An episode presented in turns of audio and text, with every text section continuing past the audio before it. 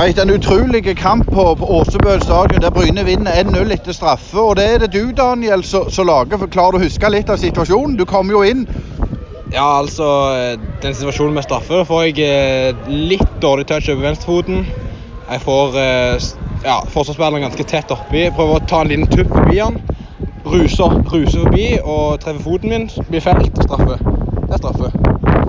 Hvordan er det da å komme inn på en hekkans strittbane og, og mye vind og regn? og var du, du, du, du var klar når du kom inn, for å si det sånn? Ja, jeg, eh, det er dritkjekt å spille sånne her kamper. Forholdet var ikke det beste, men å spille sånne kamper med gode trøkk og, og begge lag vil vinne, det er veldig kjekt. Men nå tror det er vanskelig å komme inn, inn i kampen. Men jeg føler, jeg føler jeg klarte å gjøre det beste ut av det. og At jeg fikk straffe, det var jo bare det var jo bare bra det, kan du si. Så det var utrolig kjekt.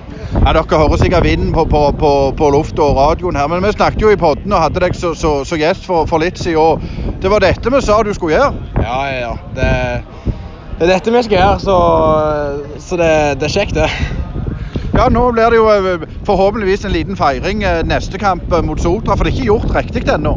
Nei, nei. Vi må vinne alle kampene til, som må til. og nå er det bare ett poeng eller noe sånt mot Sotra, så men vi tar tre. Vi tar tre.